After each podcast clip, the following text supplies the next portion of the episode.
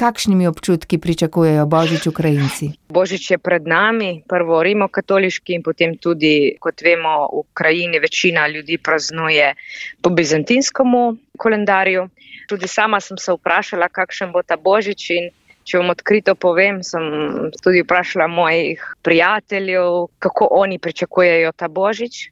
Po eni strani moramo reči, da bo ta božič res resnično božič, tako kot je bil v bistvu rojstvo Jezusa. Tudi sama Marija in Jožef sta bila v izgnanstvu, sta bila v mrazu, nista imela svetlobe in vseeno Jezus se je rodil. Tako da jaz mislim, da je sedaj ne glede na to, da mogoče zunanje stvari ne bodo tako prisotne, upam in molim, da bo res tisti Jezus se rodil v srcu Ukrajincev in prinesel ta pravi mir, ta pravi mir, notranji mir, katerega ljudje v tem času zelo krepenijo. In na ta način se lahko Bog v teh trenutkih dotakne vsakega.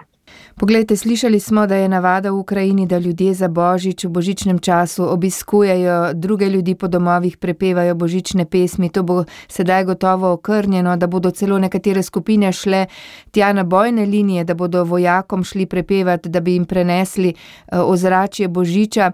Kako pravzaprav pa ljudje živijo sedaj? Recimo, kaj je tisto, kar je najtežje, kar vi vidite, da jim je recimo najtežje? Tako je, res je. Koledovanje je ena izmed zelo pomembnih stvari. In eh, mislim, da nekateri bodo tudi ta mir, to veselje, mogoče prinesli ne v taki meri kot eh, pretekla leta. In vsekakor želijo to veselje prinesti, to atmosfero, božično tudi med tiste, ki v bistvu preživljajo najtežje trenutke, tako je na fronti. Mislim pa, da se zdaj trenutno najtežje, tudi kar sem se pogovarjala z različnimi ljudmi, je prav ta nesvoboda. Nesvoboda, v kateri živi veliko ljudi, pod okupacijo, kateri so resnično preganjeni. In ne glede na mogoče na zunanje stvari, kot ni, ni vedno ogrevanja, ni vedno elektrike, ni vode. Vidim, da se da nekako preživeti, ampak eh, ta svoboda je pa zelo pomembna za človeka in mislim, da trenutno je to velika bolečina. Po drugi strani pa tudi to, kar se dogaja ukrajinskemu narodu, to je pa zelo težko sprejeti. Ali mogoče kot karitas pripravljate ali pa ste pripravili kaj posebnega zdaj v tem uh, adventnem božičnem času za ljudi, ali gre za to običajno pomoč, ki jo pravzaprav nenehno, nenehno pošiljate ljudem v stiski? Prek karitasa smo se trudili v prvi vrsti v bistvu olajšati ljudem, da ne bodo na mrazu. Recimo pod Harkovom smo uh, kupovali različne peči na les, kjer se v bistvu uh, lahko ogrevajo, ker lahko kuhajo, tako da bojo vsekakor ti prazniki drugačni. Potem pa tudi zahvalo slovenskemu zunanjemu ministrstvu, katero je dalo veliko donacijo, da smo lahko več kot 400 družin obdarili z hrano, katera bo bolj božična, ne, ne samo tista osnovna, ampak božična.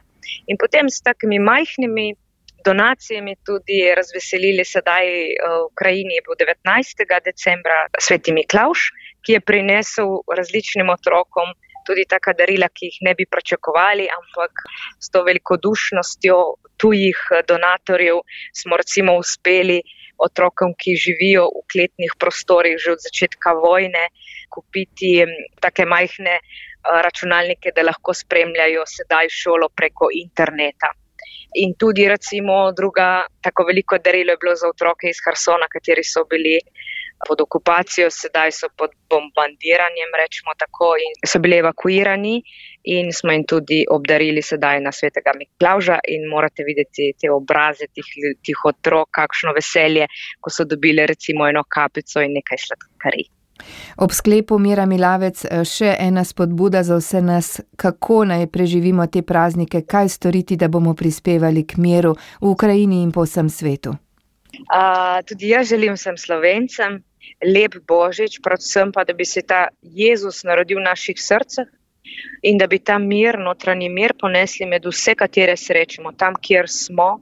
Da bi resnično bilo to eh, notranje veselje, in da in da bi se Bog dotaknil vsakega človeka. Se pa pridajem tudi v ščilu svetega očeta, ki je spodbudil vse nas, da mogoče te praznike živimo bolj v skromnosti in pomagamo drugemu. Tako vemo, da je veliko vojn v svetu, seveda ta Ukrajina je nam najbližja, ampak res resnično vsak konkretno pogleda, kaj lahko naredi za tega drugega in ta božič, bi rekla, bolj v skromnosti preživi.